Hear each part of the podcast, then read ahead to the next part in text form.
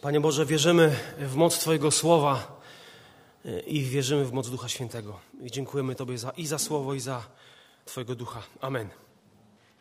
Serdeczne pozdrowienia przywożę od braci z kolegium pastorów. W sobotę obradowaliśmy, mieliśmy spotkanie e, i bracia też serdecznie pozdrawiają cały zbór. Dzisiaj wracam do tematu przywództwa i chciałbym powiedzieć o apostolskim przykładzie służby Pawła. Apostoł Paweł rozpoczął trzecią podróż misyjną, odwiedzał e, te miejsca, które wcześniej, w których wcześniej był, zakładał zbory. I kiedy dochodzimy do 19 rozdziału dziejów apostolskich, Paweł idzie do Efezu, spotyka uczniów, którzy w ogóle nie słyszeli o Duchu Świętym. Ci ludzie stali się osobami wierzącymi. Grono uczniów zaczęło się obok apostoła Pawła zbierać. Ale byli ci, którzy trwali w uporze i źle mówili o drodze pańskiej. I to, co zrobił Paweł, to odłączył uczniów. I Boże Słowo mówi, że zaczął codziennie nauczać w szkole Tyranosa.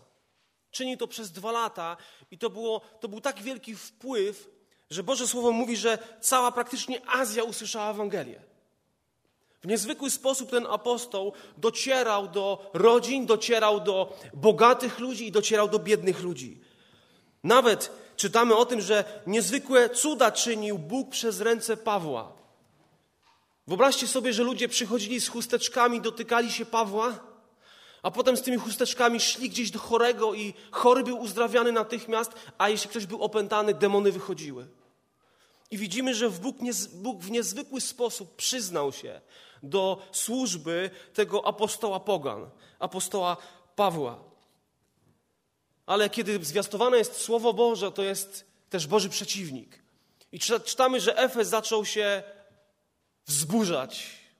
Tam była słynna Artemida Efeska, którą czczono. Był niezły pieniądz z tego, że sprzedawano figurki takie i owakie, i nagle Paweł mówi: To nie są bogowie, jest jeden Bóg. I zaczęto rozruchy, zaczęto podważać to, co robi Paweł. Zaczęto atakować Pawła, jego współpracowników. Były olbrzymie rozruchy, takie rozruchy, że ludzie przez dwie godziny wołali: Wielka jest Artemida Efeska, wielka jest Artemida Efeska. To naprawdę to był wielki tłum, to było miasto. Przechodzimy do 20 rozdziału i tam czytamy o tym, że Paweł już nie chciał więcej pozostać w Efezie, jechał dalej i kiedy był w Milecie, wezwał starszych efeskich do siebie. Miał im coś bardzo ważnego do powiedzenia. Czytamy o tym w 20 rozdziale od 17 wersetu i będziemy właśnie czytali ten fragment od 17 do 27 rozdziału. Dzieje apostolskie 20, 17, 27. Podczas II wojny światowej Anglia musiała zwiększyć produkcję węgla. I wtedy Winston Churchill zwołał przywódców związkowych i chciał ich przekonać do tego, że trzeba to zrobić. Miał prezentację i na koniec tej prezentacji poprosił, aby wszyscy sobie coś wyobrazili. Wyobrazili sobie paradę. On miał świadomość tego, że ta parada na pewno będzie miała miejsce po wojnie. W samym centrum Anglii, na wielkim placu. I mówi tak: wyobraźcie sobie tą paradę. Najpierw przyjdą marynarze którzy utrzymywali te otwarte szlaki morskie. A potem przybyli żołnierze, który, którzy wrócili do domu z Dunkierki, a następnie pokonali Romla w Afryce. A potem przybyli piloci, którzy zepchnęli Luftwaffe z nieba. A na koniec, jak powiedział, nadejdzie długi szereg poplamionych sadzą ludzi w czapkach górniczych. I ktoś zawoła z tłumu, a gdzie wy byliście, kiedy my walczyliśmy na lądzie, na morzu, gdzie wy byliście? I wtedy z ust tysięcy tych poplamionych i brudnych ludzi wypłyną słowa: Byliśmy pod ziemią, z twarzami zwróconymi do węgla. Autor tego tekstu kończy tę historię tak. Nie wszystkie posady w kościele są wybitne, efektowne, widoczne, ale często to właśnie ludzie z twarzą zwróconą do węgla są fundamentalni w kościele. To oni pomagają w wypełnieniu misji. Nie tylko ci, którzy są z przodu, Dzisiaj będę mówił o służbie Pawła, o niezwykłym przykładzie. Tak jak powiedziałem, Paweł był w Milecie, wezwał do Efezu starszych i gdy stawili się oni u niego, rzekł im: Wy wiecie, od pierwszego dnia, gdy stanąłem w Azji, jak byłem przez cały czas z wami. Jak służyłem Panu z całą pokorą wśród łez i doświadczeń, które na mnie przychodziły z powodu zasadzek Żydów. Jak nie uchylałem się od zwiastowania wam wszystkiego, co pożyteczne, od nauczania was publicznie i po domach, wzywając zarówno Żydów, jak i Greków do upamiętania się przed Bogiem i do wiary w Pana naszego Jezusa. A oto teraz, zniewolony przez ducha, idę do Jerozolimy, nie wiedząc, co mnie tam spotka. Prócz tego, o czym mnie Duch Święty w każdym mieście upewnia, że mnie czekają więzy i uciski. Lecz o życiu moim mówić nie warto i nie przywiązuję do niego wagi, bylebym tylko dokonał biegu mego i służby, którą przyjąłem od Pana Jezusa, żeby składać świadectwo o Ewangelii łaski Bożej. A teraz oto wiem, że już nigdy nie będziecie oglądali oblicza mojego. Wy wszyscy, wśród których bywałem, głosząc Królestwo Boże. Dlatego oświadczam przed Wami w dniu dzisiejszym, że nie jestem winien niczyjej krwi. Nie uchylałem się bowiem od zwiastowania Wam całej woli Bożej. Ten fragment jest bardzo soczysty. Nie będę o wszystkich rzeczach mówił. Ale zobaczcie, jak apostoł Paweł patrzył na służbę.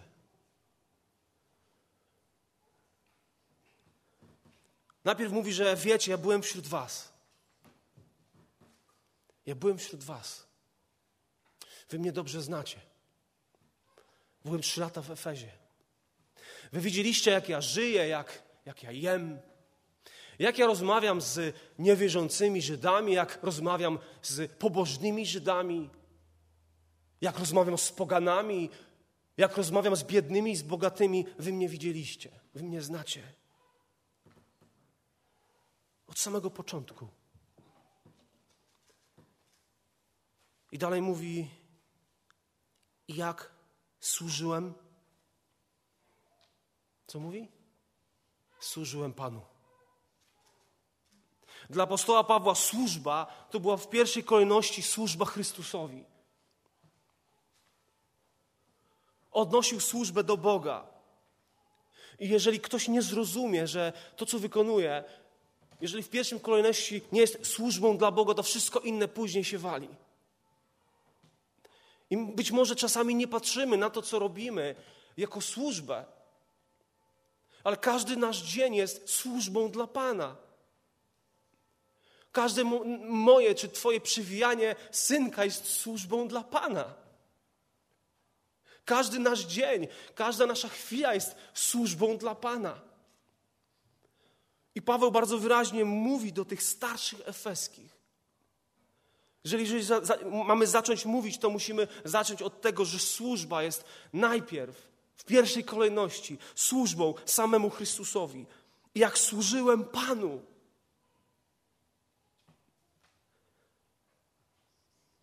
Jeżeli nie zaczniemy od Pana, a zaczniemy najpierw od człowieka,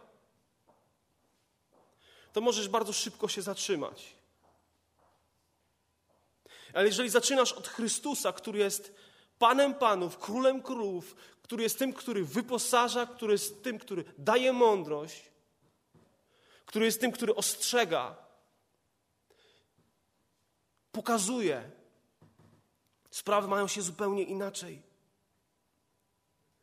Paweł na przykład w liście do Galacjan mówi, a teraz czy chce się ludziom przypodobać, czy Bogu? Podejmijcie decyzję. Wiecie, że Bogu nie ludziom, bo gdybym nadal ludziom chciał się przypodobać, to nie byłbym sługą Chrystusowym. A więc sługa Chrystusa to pierwsza rzecz, najpierw podoba się Chrystusowi. Dlatego, że służba w pierwszej kolejności to jest służba Panu. Służba Panu.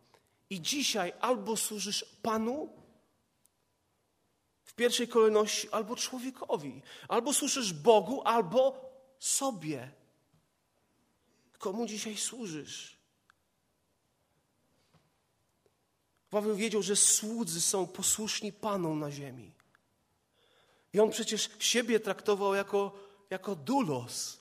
Ja jestem dulos Chrystusa, jestem tym najniższym sługą. W jednym miejscu nawet powiedział, że jest tym najgorszym sługą na tym rzymskim galeonie, najniżej, kiedy najwięcej tam się ludzi topiło. Tacy niewolnicy nie mieli żadnych praw. On mówi: Ja jestem jednym z nich dla Chrystusa. Tak siebie traktuje. To Pan jest wszystkim dla mnie.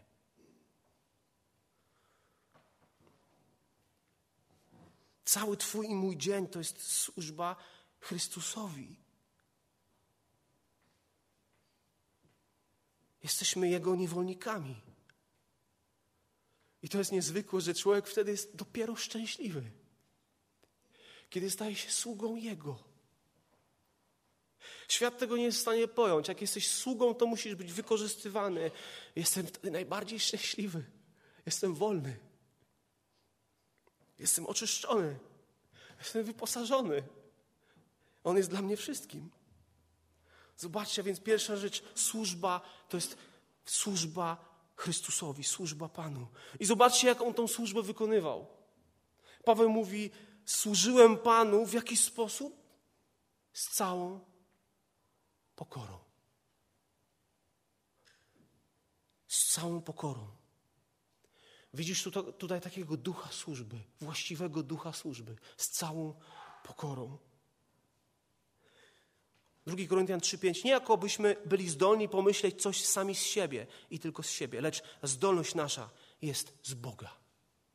On miał świadomość i on był człowiekiem uniżonym. Z całą pokorą. Apostoł Paweł wiedział, że ten, który wołał, Pan Jezus wszystkich, których wołał do siebie, przyjdźcie do mnie wszyscy spracowani i obciążeni, ja wam dam ukojenie. I pamiętacie, co dalej powiedział? Uczcie się ode mnie, że jestem cichy i pokornego serca.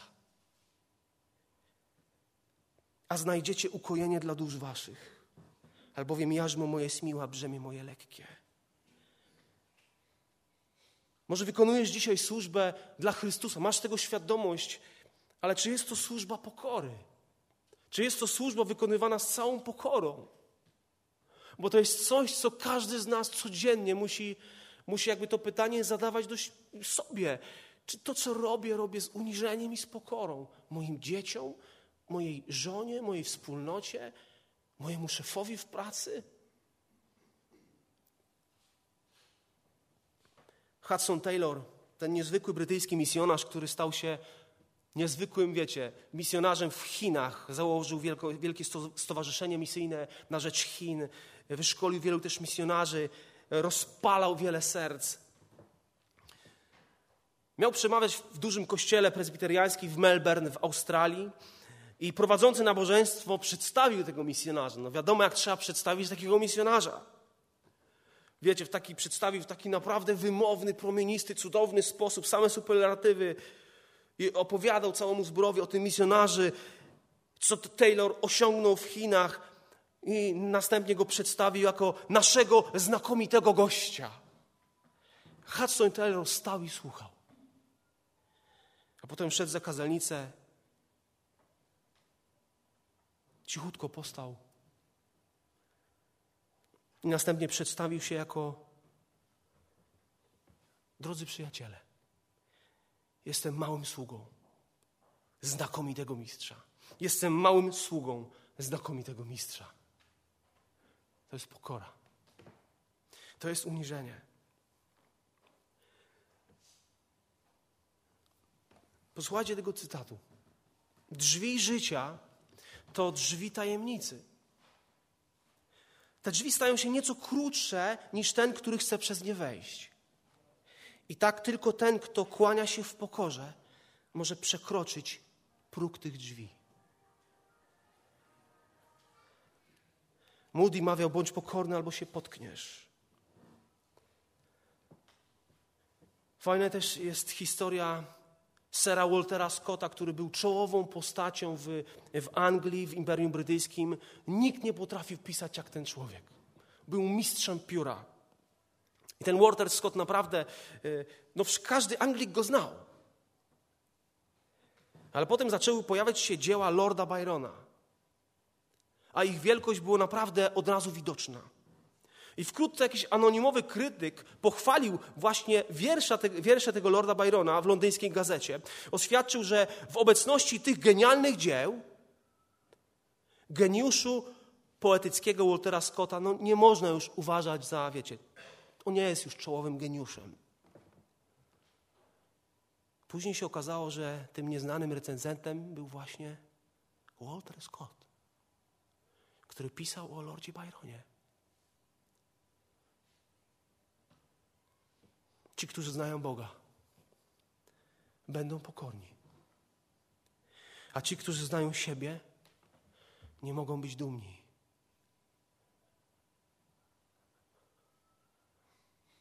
Paweł mówi: Moja służba Chrystusowi to jest służba w pokorze najpierw. Ale dalej apostoł Paweł nie kończy tylko na tym, on mówi dalej: To jest służba wśród łez. To jest służba, która sprawia, że ja wewnętrznie cierpię i z moich oczu są wyciskane łzy. Ale kto dzisiaj chce o takiej służbie słyszeć? Kiedy o wiele łatwiej, lepiej jest znaleźć się w atmosferze radości, uwielbienia i to wszystko tak pięknie wygląda. Ale przecież nabożeństwa się kończą. I wracamy do świata. Wracamy czasami do rozbitych rodzin, do rozbitych relacji, do poranionych sąsiadów. Wracamy do niezrozumienia. I nagle w naszych oczach pojawiają się łzy. Paweł mówi: Moja służba Chrystusowi to była służba pokory i służba łez. To była służba wśród łez. Było to wewnętrzne cierpienie, i przecież Paweł doskonale znał Słowo Boże i na przykład Księgę Izajasza, 53 rozdział, który mówił o cierpiącym słudze. To była mowa o Chrystusie. I apostoł Paweł, kiedy służył, płakał w różnych sytuacjach. Wiecie, kiedy on płakał?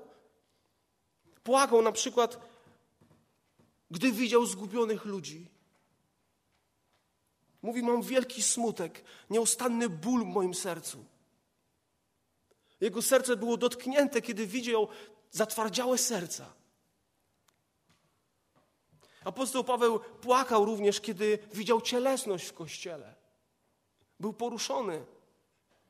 W drugim Koryntian, drugim rozdziale powiedział, albowiem pisałem do was z głębi utrapienia i z serca wśród wielu łez. I mówił o ich grzechach, o ich cielesności Koryntian. Apostoł Paweł był dotknięty, kiedy widział fałszywe nauczanie w kościele. I to powodowało, że niejednokrotnie z jego oczu leciały łzy. Właśnie mówiąc do tych starszych później, w późniejszym tym fragmencie mówi, przez trzy lata we dnie i w nocy nie przestawałem ze łzami napominać każdego z was. I on też mówił w kontekście tego, że pojawią się fałszywi ludzie. Fałszywi nauczyciele, fałszywi starsi i będą rozszarpywać trzodę. I on to mówi, wśród was tacy ludzie będą. I to powodowało, że jak sobie pomyślał o tym, co się stanie z, tymi, z tym zborem w Efezie, to płakał. Wielu bowiem z tych, o których często wam mówiłem, a teraz także z płaczem mówię, postępuje jak wrogowie krzyża Chrystusowego. Filipian 3,18. W Hebrajczyku w piątym rozdziale czytamy o Chrystusie. Za dni swojego życia w ciele zanosił on z wielkim wołaniem i ze łzami modlitwy i błagania do tego, który go mógł wybawić od śmierci i dla bogobojności został wysłuchany. To jest mowa o naszym Panu, który płakał. Służba Chrystusowi to jest służba pokory, to jest służba wśród łez. I dalej nie kończy na tym. Paweł mówi, służba Panu wiąże się z, z służbą, której towarzyszą doświadczenia. A więc jest zewnętrzne cierpienie, nie tylko wewnętrzne. I ciągle czytamy o prześladowania Pawła. A to Żydzi to, a to Żydzi tamto, a to fałszywi bracia to, a to fałszywi bracia tamto. Na początku 20 rozdziału dziejów apostolskich Paweł miał zamiar udać się morzem do Syrii, a Żydzi zaś urządzili na niego zasadzkę. Co chwilę doświadczenie. W Koryntian 15 rozdziale, 30 wersecie, w pierwszym liście mówi tak: Po cóż i my każdej godziny narażamy się na niebezpieczeństwo? Co to za życie? Każdej godziny narażamy się na niebezpieczeństwo.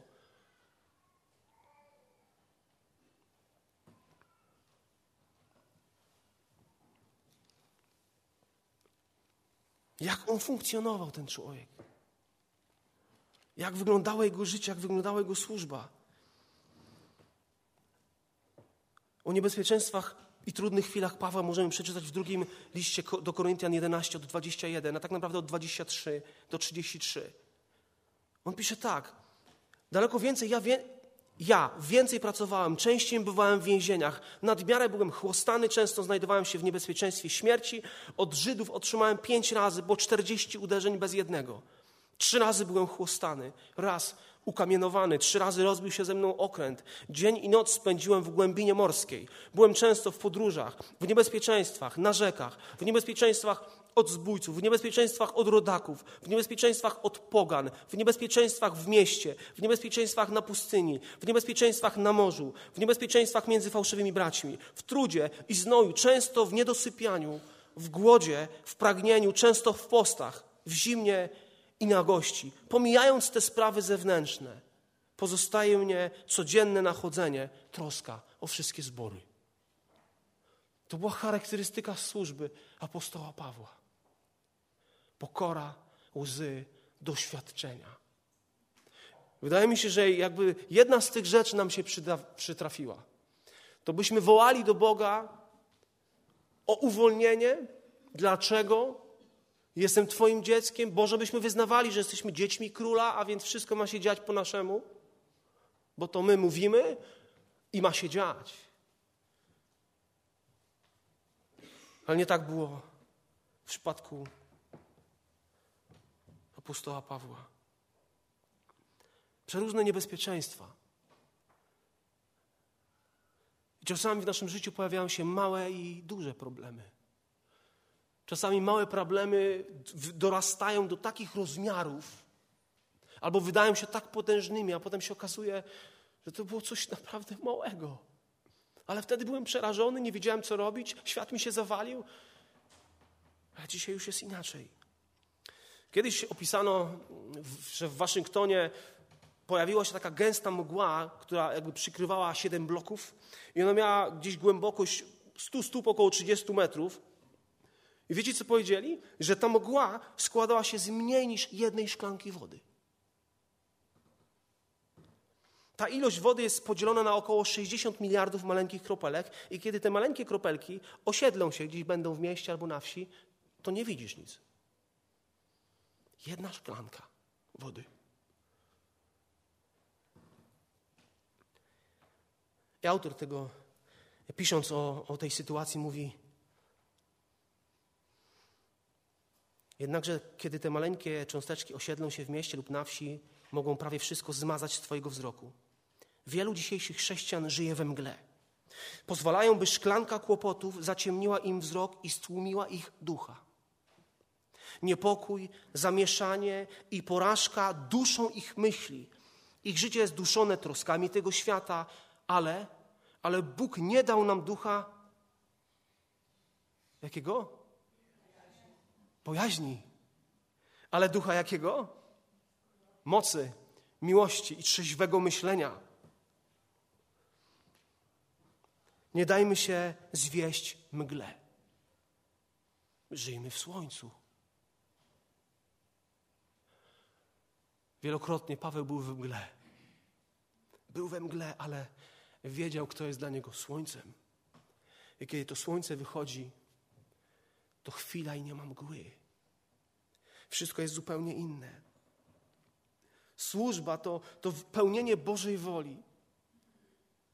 Służba to pełnienie tego, co On chce, nie ja.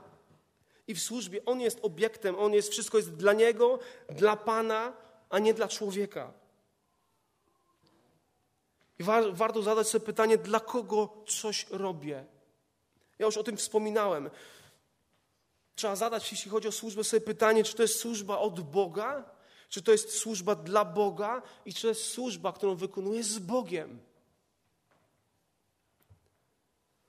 Apostoł Paweł, patrząc na służbę, mówił, że przede wszystkim to jest służba Panu, to jest służba z pokorą wśród łez i doświadczeń. Ale to nie wszystko. On mówi, jak nie uchylałem się od zwiastowania wam wszystkiego, co pożyteczne, od nauczania was publicznie i podobach. On mówi też, że służba to jest służba Kościołowi również. Najpierw jest Pan, ale to jest służba Kościołowi. Przez co? W jaki sposób? Przez nauczanie.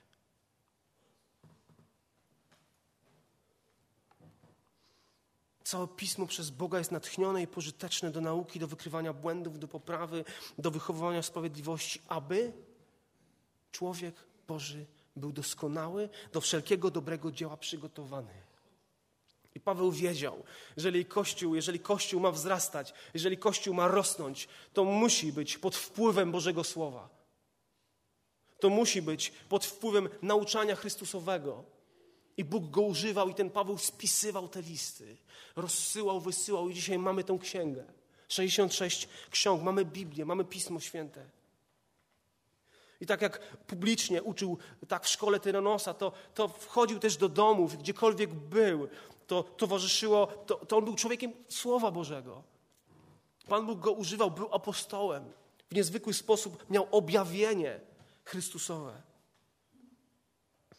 I on miał świadomość tego, że jest sługą, że jest szafarzem. I on ma słowo w swoich rękach. On ma słowo, które dostał poprzez objawienie. Pan Bóg go używa i on musi się dzielić tym. On musi być w tym wierny.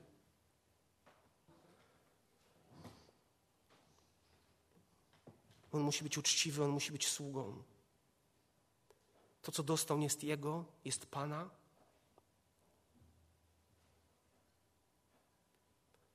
I on musi to, co robi, musi, uczyć, e, musi robić wiernie, musi uczyć codziennie. Każdy, kto myśli o służbie, musi być sługą Chrystusa i musi być sługą Jego słowa. Nie sługą swoich koncepcji zakazalnicą, swoich myśli, swoich wyobrażeń. To, co mu się wydaje temu czy tamtemu pastorowi. To, co przeczytał gdzieś, może w jakiejś książce psychologicznej, jakieś nowe odkrycie. Sługa słowa. Dla niego służba była służbą Kościołowi poprzez nauczanie. A więc i publicznie, i po domach. Uczył tego wszystkiego, co było dobre, pożyteczne. Uczył prawdy. Dzisiaj mamy różne źródła prawdy, tak się mówi. Na przykład źródłem prawdy może stać się człowiek. Wydaje mi się, że no bo to jest dla mnie prawda, a dla ciebie coś innego. Czasami mówi się, że nie, nie, człowiek to za mało, ale instytucja, na przykład jak Kościół katolicki, tak, szczególnie kiedy papież przemawia ex cathedra, no to sama prawda. Ale jest tylko jedno źródło prawdy. To jest Bóg, to jest Jezus Chrystus, to jest Jego Słowo. I żaden człowiek, żadna instytucja nie może zagarnąć sobie prawdy jest tylko jedna prawda, biblijne objawienie, Słowo Boże. Paweł też mówił do Galacjan, że tę Ewangelię, to słowo, które dostał, ono nie jest pochodzenia ludzkiego. Ja otrzymałem je, tą Ewangelię, przez objawienie Jezusa Chrystusa.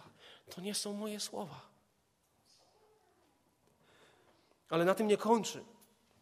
Dla niego służba to nie tylko jest służba Chrystusowi, to nie jest tylko służba kościołowa poprzez nauczanie, ale to jest służba niezbawionym. Jego życie było tak charakteryzowało się tym, że służył również niezbawionym, a więc ewangelizacja.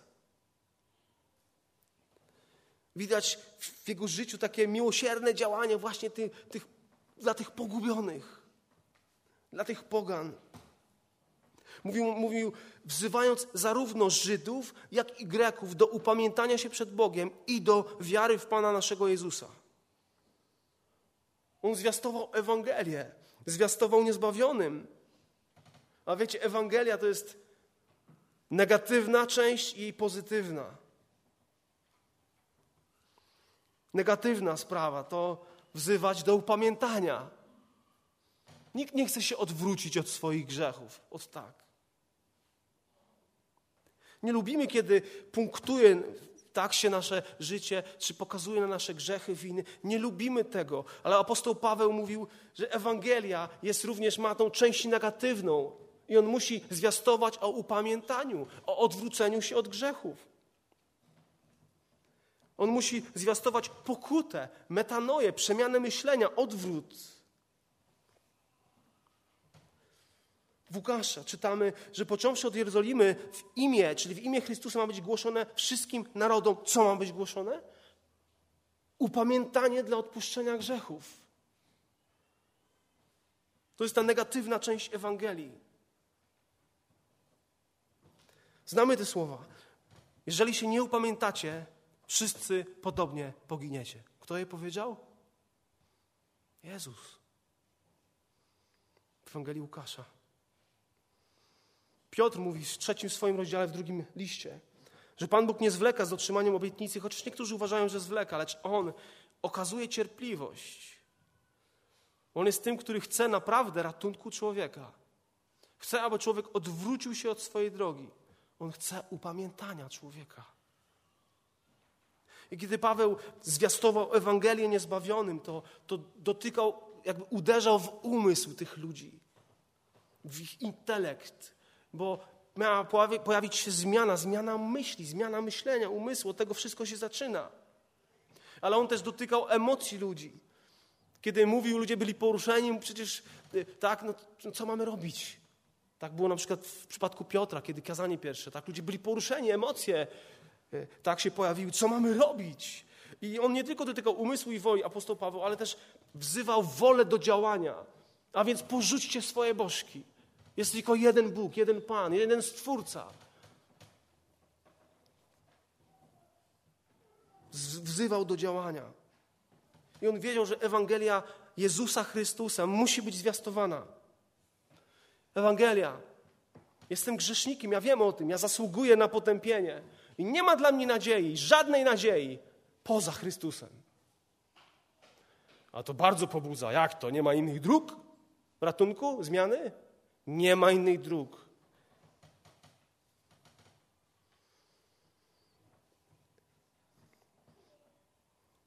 I kiedy apostoł Paweł, wiecie, docierał do tych pogańskich terenów, do tych świątyń przeróżnych, to wiecie, że jego, jego życie, tak jak też czytaliśmy wielokrotnie, wisiało na włosku. Dalej w dziejach apostolskich czytamy, że pojawił się prorok Agabus, i mówi, wiecie, związał tak, jak coś przedstawił Kościołowi. Mówi, no tak ciebie zwiążą niedługo. No i co bracia zrobili? No Pawle, nie możesz iść dalej. Musisz tutaj z nami zostać. On mówi, dlaczego moje serce rozdzieracie, rozrywacie? Ja jestem dla Chrystusa, dla Ewangelii gotów naprawdę umrzeć. I wtedy ci bracia się przekonali, okej, okay, idź Pawle. Re realizuj służbę, którą otrzymałeś od swojego Zbawiciela. I poszedł. I zginął. i zginął. Ale jest też pozytywna strona Ewangelii, to jest wiara w Pana Jezusa Chrystusa. To jest zaufanie. Najpierw pokuta, potem wiara, zaufanie, pójście, odwrócenie się od swojego życia i teraz idę w kierunku Chrystusa, idę z Chrystusem, ramię w ramię. On jest tym, który, który jakby zaprząg mnie. On prowadzi. I to już mnie nie boli, nie rozrywam się, może jeszcze jednak zostanę, idę razem z Nim. Ale ja nie wiem, gdzie On mnie zaprowadzi. Ja nie wiem, czego doświadczę. Ale to nie ma znaczenia. Bo On jest moim Panem, który mnie ukochał cudowną miłością, zmienił moje życie i teraz ja żyję dla Niego.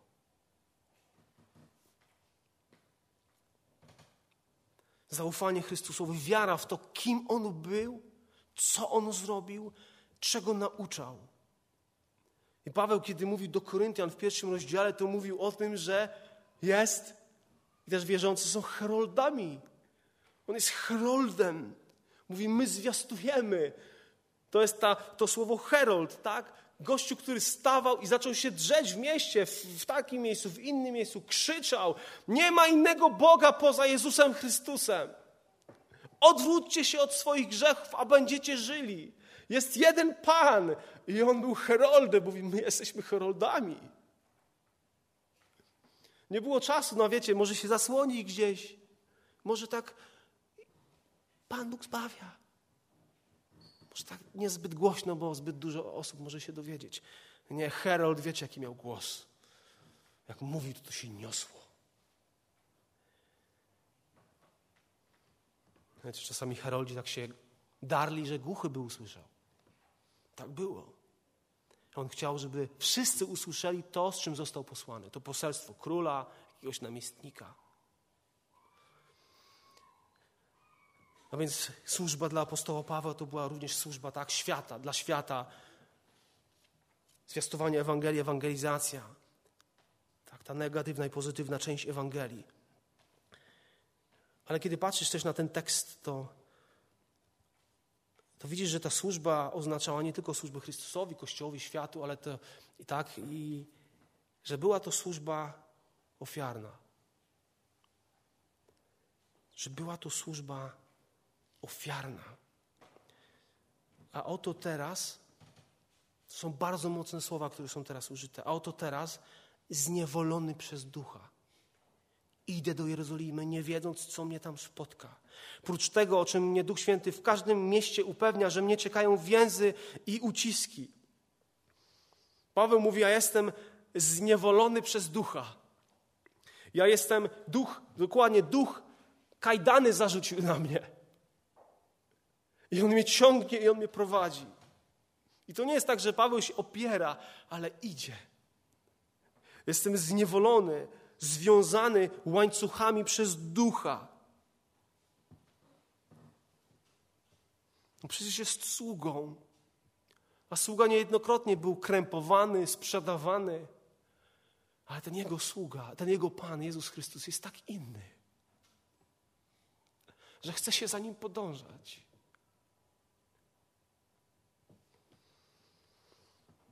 On był posłuszny, zniewolony przez ducha, ale ja idę. Ja jestem posłuszny temu, do czego zostałem powołany. Chociaż na to nie zasługiwałem, bo byłem mordercą Kościoła i prześladowcą Kościoła. Ale jestem posłuszny. Czynię to dla Boga. W każdej służbie musi być posłuszeństwo Chrystusowi, musi być ofiarność, musi być ta postawa sługi który wykonuje diakonię dla Pana, służbę dla Pana, na Pana. I zobaczcie, co on dalej mówi. Jestem zniewolony, lecz o życiu moim mogę zginąć. On mówi, lecz o życiu moim mówić nie warto i nie przywiązuje do niego wagi. To mówi apostoł. Jak dzisiaj czytam o pewnych, wiecie, pewne wypowiedzi dzisiejszych apostołów, to jest tak różne od tego, co czytamy na kartach Biblii. O takim apostolstwie. Tak różne. To są celebryci, którzy hmm, tym bardziej mówią o swoim życiu. Tym bardziej chcą być widoczni. Ale apostoł Paweł mówi też, o moim życiu mówić nie warto. Naprawdę nie warto. Nie przywiązuje do niego wagi. No jak, kto tak mógł powiedzieć? Kto nie przywiązuje wagi do swojego życia?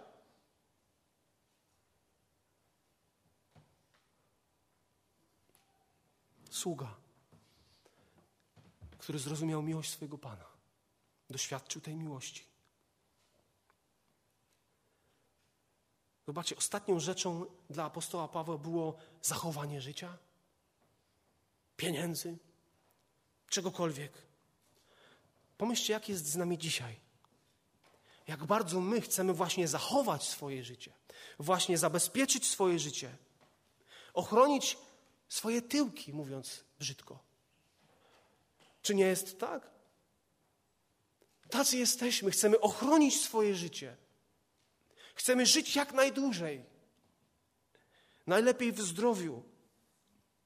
A Paweł, świadomy swojego powołania, kto jest jego panem, mówi: Nie. Nie przywiązuje rzeczy do niczego. Czego chce Paweł? Czego chce ten apostoł, pogan? Nie chcę wygodnego życia, wakacyjnego życia. najlepiej bez problemów. On chce może odpocząć w tym życiu. On chce, no bylebym tylko zarobił na dzieci, potem im coś dał. On nie mówi, bylebym tylko nie stracił pracy, nie straciła pracy, bylebym tylko nie zachorował, bylebym tylko kupił okazyjnie mieszkanie dla dziecka albo dla siebie, albo jakiś dobry samochód. Bylebym tylko znalazł wymarzoną pracę, bylebym tylko urodziła dziecko, albo bylebym tylko wychował moich chłopców i córkę. Czy tak mówi Paweł? Czy w takim, w takim kierunku jakby uderza? Epafrodyt, o nim wypowiedział się Paweł i mówi, że on dla sprawy Chrystusa był bliski śmierci. Narażając na niebezpieczeństwo życie, dokładnie on swoje życie odrzucił na bok, aby wyrównać to, czym wy nie mogliście mi usłużyć. To powiedział Paweł o Apofrodycie. Paweł mówi, bylebym tylko dokonał biegu mego i służby, którą przyjąłem od Pana Jezusa, żeby składać świadectwo o Ewangelii łaski Bożej. To jest świadomość powołania. To jest świadomość relacji z Panem, relacji z Chrystusem. Bylebym tylko. Co jest Twoim bylebym tylko? Co jest moim bylebym tylko?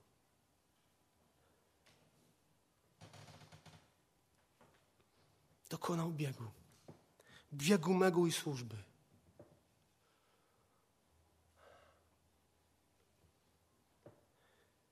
Jedną z takich smutniejszych rzeczy, czasami czyta się różne tak książki, to jest, kiedy, kiedy czytam albo słyszę o umierającym człowieku, który ma świadomość tego, że zmarnował życie. Że nie jest w stanie już nic zrobić, jest słaby, schorowany i zaczyna myśleć, i ma świadomość tego, że nie poprowadził tego życia tak, jak powinien. To jest jedna z najsmutniejszych dla mnie rzeczy. Nie jesteś w stanie nic zrobić dla tego człowieka. On nie jest w stanie nic zrobić. Możesz go zachęcić. Kiedy jest Bożym dzieckiem, taki ktoś możesz e, mówić o łasce Bożej, która przykryła to. Ale to jest smutne, że można przeżyć życie i je stracić, i je zmarnować kiedy się nie żyje dla Ewangelii, kiedy się nie żyje dla Chrystusa, dla Kościoła, nie żyje się, aby służyć światu. Oto teraz zniewolony przez ducha i mówi dalej, oto teraz wy już mnie nigdy nie zobaczycie, starsi w Efescy. Ja już do was nie przyjdę. Niedługo przestanę istnieć. Będzie po mnie. Ale wiedzcie, że dawałem z siebie wszystko. Kochałem Boga i kochałem Was.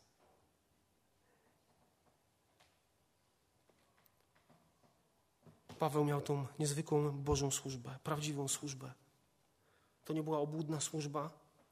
Taka obłudna służba przychodzi dzięki, wiecie, często ludzkiemu wysiłkowi, ale prawdziwa służba pochodzi z głębi relacji z Chrystusem. Obłudna Taka powierzchowna służba jest pod wrażeniem wielkich spraw. Ale prawdziwa służba prawie nie może odróżnić małej od wielkiej rzeczy. Po prostu służy. Obłudna służba jest, wiecie, ona wymaga takich zewnętrznych nagród. Ale prawdziwa służba spoczywa zadowolona w ukryciu, w obecności swojego Pana. Zadufana w sobie służba jest bardzo zatroskana o wyniki. Prawdziwa służba nie wymaga obliczania wszystkiego. Zadufana w sobie służba wybiera i wybiera, komu służyć, a może temu, a może temu, ale prawdziwa służba ma swoją posługę, ona jest bezkrytyczna, każdemu po prostu. Na obłudną służbę wpływają nastroje, zachcianki, ale prawdziwa służba jest służbą w prostocie i to jest służba wierności. Jest taka potrzeba, robię. Obłudna służba jest tymczasowa, prawdziwa służba to jest styl życia. Obłudna służba jest pozbawiona wrażliwości. Często nalega i służy i nie widzi tego, że niszczy. Prawdziwa służba może wstrzymywać swoją posługę swobodnie, jak również swobodnie ją wykonywać. Zadufana w sobie służba łamie społeczność. Prawdziwa służba buduje społeczność. To powiedział Richard Foster.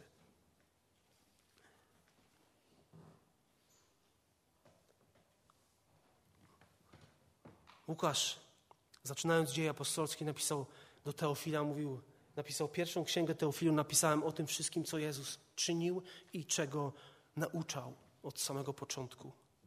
Już zbliżam się do końca. Co było sekretem Pawła? Czasami w służbie tej czy tamtej jakichś metod szukamy. Nie? Jak to zrobić najlepiej, żeby to zadziałało, może żeby więcej ludzi przyszło, albo, albo i to się zadziało, i tamto. A co było sekretem tego człowieka?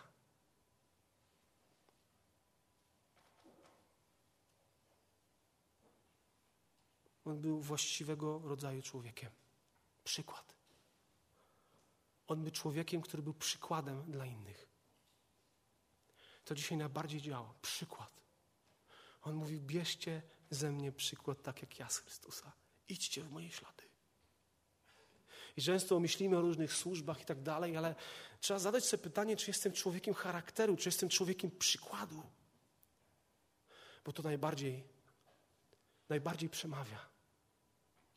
Kiedy jestem Chrystusowego charakteru, kiedy jestem uniżony, kiedy jestem gotowy na łzy, kiedy jestem gotowy na doświadczenia, kiedy wiem, komu służę, kiedy cenię Ewangelię, Słowo Boże i chcę nauczać tego, przekazywać to dalej, kiedy chcę tak służyć w świecie, czy jestem przykładem.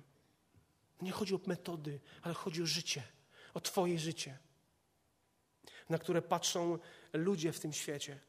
Patrzą Twoi bracia, siostry. To jest właściwa perspektywa na służbę. Przykład.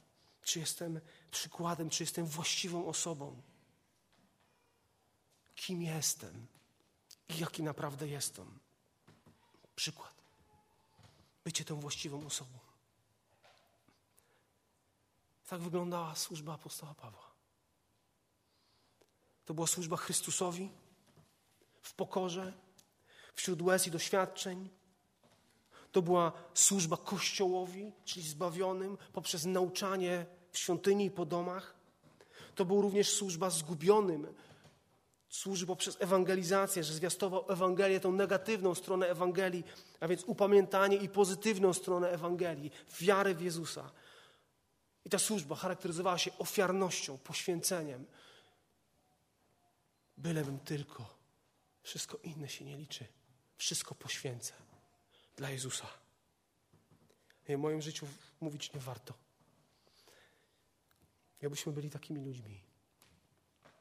Abyśmy chodzili w buty apostoła Pawła. On był apostołem, ktoś powie, ale też dla nas jest przykładem.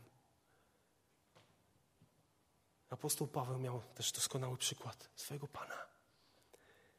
Jezusa Chrystusa, który był niedoścignionym przykładem służby. Dzisiaj mamy przykład Jezusa, dzisiaj mamy przykład apostoła Pawła. Bądźmy przykładem życia. Wchodźmy w buty apostoła Pawła. Realizujmy to powołanie, które jest powołaniem dla każdego z nas. Znasz Chrystusa. I możemy czynić tego Chrystusa znanym w tym mieście, wśród naszych bliskich, wśród naszych sąsiadów. Niech imię Jezusa Chrystusa będzie uwielbione i wywyższone. Amen. Powstańmy do modlitwy.